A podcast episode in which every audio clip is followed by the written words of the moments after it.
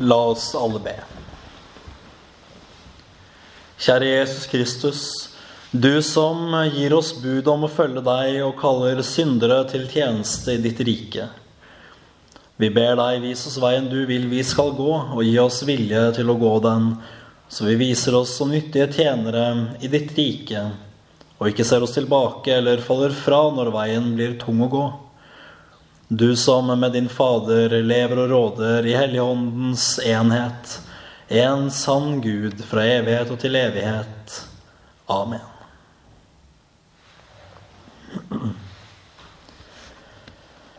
Til alle mennesker som har hørt evangeliet, går dette budet ut. Følg meg. Det er Herren Jesus Kristus selv som kaller alle mennesker i et kall som er både alvorlig og vakkert. Det er et kall som kan være det vanskeligste man må følge, samtidig som det er det eneste man har, og dyreste man eier. I disse to ordene ligger hele evangeliets dybde og rikdom. Og her finner vi også lovens krav og fylde. Når Jesus byr oss følge ham, ligger det et krav i Herrens bud. Det er vår Gud og Mester, vår Frelser og Herre, som kaller. Da ligger det på oss mennesker, som er hans skapning, å følge etter i lydighet og gjøre alt det han pålegger oss. Dette er kallets krav. Men det er lett å gå seg blind i dette kravet og tenke at Jesus er en hard mester. Da kan vi ha godt av å minne oss selv på at det er han ikke. Han er den mildeste og kjærligste mester. Han er den mildeste og kjærligste av herrer. Ellers ville han ikke kalt oss i utgangspunktet. For nettopp i dette ligger kallets skjønnhet. At vi faktisk i det hele tatt blir kalt. Hvem er vi som skulle få oppleve noe, noe så stort at Gud selv kaller på oss? Vi som det ikke bor noe godt og fromt i, som av naturen er fordervede syndere. At Gud ser på oss og sier 'Kom, følg meg'. Det er ingen selvfølge.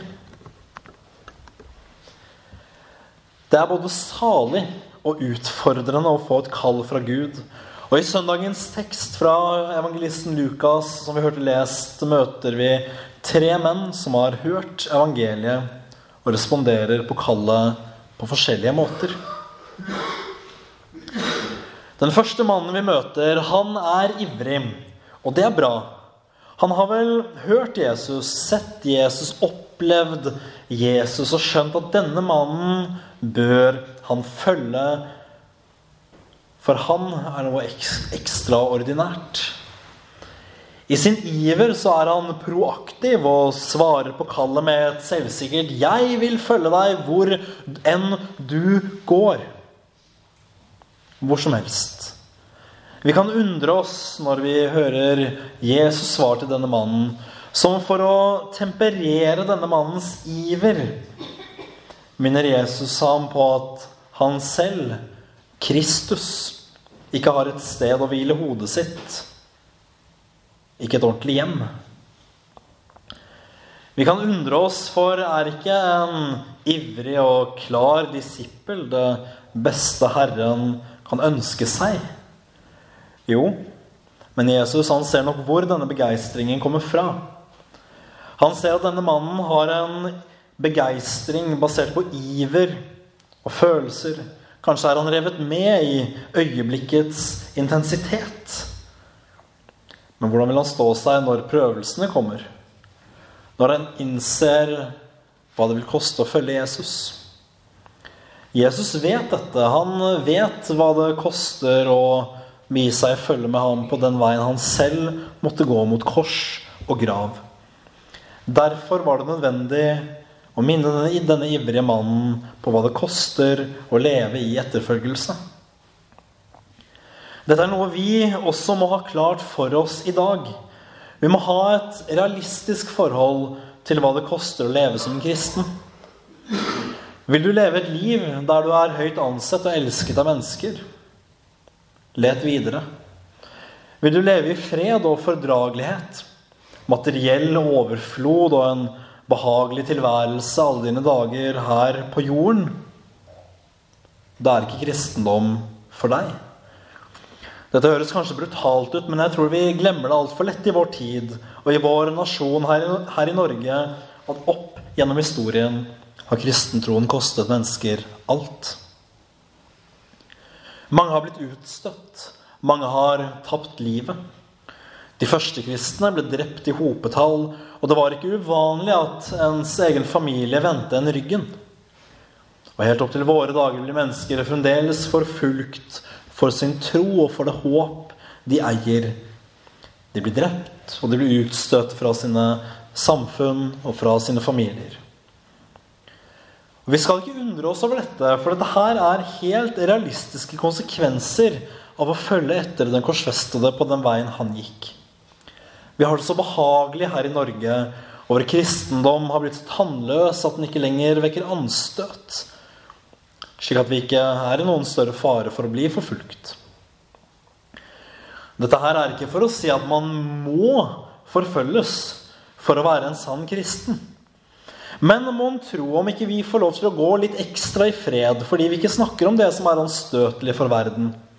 Hva ville skjedd dersom vi tok Herrens kall enda mer på alvor og holdt høyt evangeliet om Guds sønn og Guds ords lære uten å vike av til noen side, høyre eller venstre? Ja, da skal dere se at samfunnet kanskje ikke lenger ville sett like blidt på oss. Dersom man radikalt følger etter Jesus, tar hans ord for det de er, og forkynner evangeliet om omvendelse og syndenes forlatelse, da løper man risikoen Jesus forsøker å minne denne mannen på.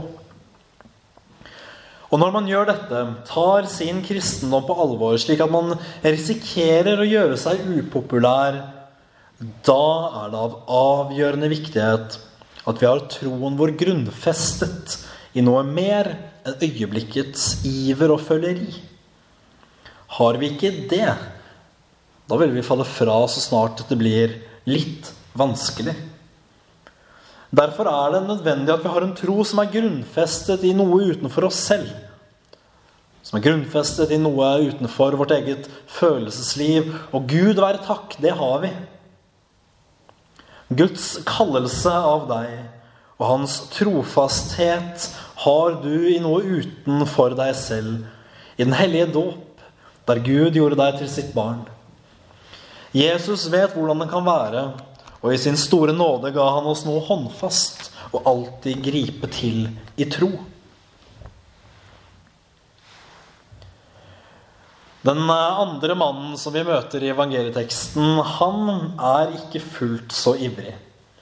Han får også et bud om å følge etter Jesus og jeg kan se det for meg hvordan Guds sønn setter øynene i mannen når ordene lyder 'Følg meg'. Men ja, begeistringen den lar vente på seg. Denne mannen gjør det den første mannen glemte. Han beregner kostnadene. Han er rolig og ettertenksom og tenker at først vil han få gravlagt sin døde far. Og Det må jo egentlig nesten være greit nok, det, men kallet har lytt, og valget står. Og der, der og da kan det være vanskelig å faktisk prioritere, og forpliktelsen overfor familien virker større. Men er Jesus da urimelig? La de døde begrave sine døde virker kanskje i overkant hardt fra han som ellers har vist seg som en omsorgsfull mester. Det er klart at Jesus her heller ikke er hard, men at det avdekkes en grunnleggende prioriteringssvikt hos denne mannen som har så mange bekymringer og forpliktelser at kallet glemmes. Kallet, det lyder nå. Og det er ikke så enkelt som at man bare kan sette det på vent. Hvem er vel vi til å be Herren vente?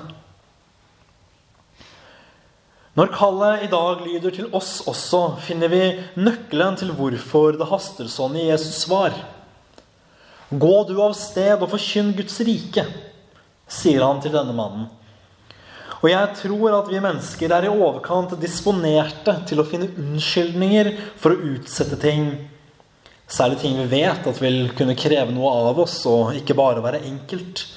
Vi sier 'ja da, jeg skal gjøre det', men først må jeg bare. Det er denne mentaliteten om at først må vi bare. Jesus vil til livs her. De døde er døde og kan ikke høre evangeliet, hvor hardt det enn høres ut. Men der ute, der ute, sier Jesus, er det en verden med mennesker. Fanget i sine egne synders mørke, som trenger å høre at nå er nådens tid.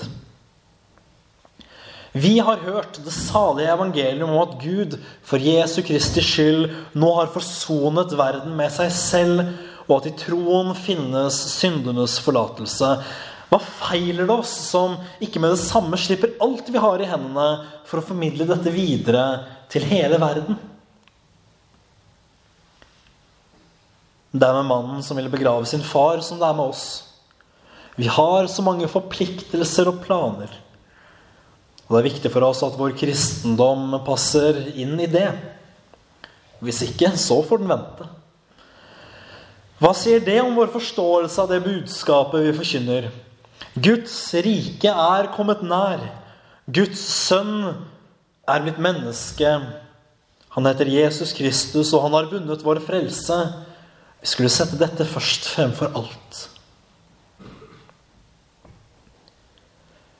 Den tredje mannen som vi møter, han lider under noen av de samme forbeholdene som den forrige. Han er ivrig på å følge etter Jesus, men først vil han si farvel til sine der hjemme. Må ikke det i alle fall være greit? Da haster det sånn at han ikke engang kan få si ha det til familien sin. Når Jesus snakker om å være skikket for Guds rike, så viser han til den forpliktelsen det er å være disippel. Å legge hånden på plogen viser videre til å begynne et arbeid. Og hvis man da ser seg tilbake, da blir det ikke mye til pløying, og den pløyingen man får gjort, den blir dårlig. Kan det tenkes at Jesus her henviser til det bruddet med det gamle livet som kallet bærer i seg? Etterfølgelsen av Jesus henger sammen med omvendelsen. Og for mennesker på den tiden å gi seg i følge med Jesus, vende om fra sine synder, ofte sin hedendom, betød gjerne et skarpt brudd med det tidligere livet. Da nytter det ikke å se seg tilbake. Da nytter det ikke å bevare forbindelser til det man er satt fri fra. Skillet er kanskje ikke like skarpt i våre dager. Det kreves ikke lenger noe for å være en kristen, og man lever som kristen på samme vis som man gjorde før troen kom. Ja, da er det ikke så farlig lenger. Ingenting er synd, alt er lov, og Gud skifter mening oftere enn ja, noen som skifter mening ofte. Når nå rammer dette også oss? Er vi villige til å holde fram dette som var selvsagt i så lang tid av kirkens historie, at det finnes et før og et etter troen? I lys av din dåp og din tro er du nå et nytt menneske, en ny skapning. Men ditt gamle og nye liv lever om hverandre i ditt indre til den dagen du dør og skal stå for Herrens trone. Hvilket liv lever du? Lever du i den daglige omvendelsen til dåpsnåden, i tro og tillit til den Herre Jesus Kristus? Har du blikket vendt fremover på veien og oppover på ham som ble korsfestet for deg? Søker du til Herrens legeme og blod i den hellige nattverd, der du får syndenes forlatelse? Dette er ikke uvesentlig. Og det er heller ikke dårlig tildekt gjerningshellighet. En kristen har to liv. To mennesker i sitt indre. De står i kamp med hverandre, og det livet vi lever, påvirker hvem som har herredømme. Og nå har vi hørt om tre menn som alle har hørt kallet og respondert på ulikt vis. De hadde sine utfordringer og forbehold, slik også vi ofte kan ha det. Det kan være utfordrende å følge Jesus uten å stille seg alle disse spørsmålene om om og men. Ja, det er klart, det. Men Jesus kaller nå, som da feilbarlige syndere, til etterfølgelse og tjeneste i sitt rike. Da vil det variere hvor godt og helhjertet vi klarer å svare på dette kallet. Men kallet står der likevel. Det gjør at vi må holde dette høyt for oss selv, og gjerne minne hverandre på det at den dagen du ble døpt, så fikk du et kall på ditt liv. Et kall til tro på Jesus Kristus og et liv i etterfølgelse av ham. Tenk for en uforståelig nåde dette er, at vi som er uverdige, blir kalt til tjeneste i Guds rike. Dette er et kall vi kan få, og som også vi kan ta imot, ikke på grunnlag av vår fromhet og flinkhet, men alene av Guds nåde. Når Gud i dåpen reiser oss opp til et nytt liv med Jesus Kristus, da vil Gud også gi oss nåde til å leve dette livet. Dette er en daglig kamp. Vi vil aldri klare å svare så godt på kallet som det kreves av oss, men det er på mange måter greit. Det vi daglig må stå i og kjempe med, er samtidig vår hvile og gode trøst, paradoksalt nok. At Gud i dåpen har reist oss opp, og at Han daglig i sin kirke gir oss og alle troende syndenes forlatelse. Hver dag begynner vi på nytt. Hver dag faller vi og hver dag reises vi opp. Gud er nådig, trofast og kjærlig. En mild herre som byr syndere inn i sitt rike. Gud har begynt en god gjerning i deg, og han vil fullføre den og stadfeste den helt inntil Jesu Kristi dag. Ære være Faderen og Sønnen og Den hellige ånd, som var, er og blir en sann Gud fra evighet og til evighet. Amen.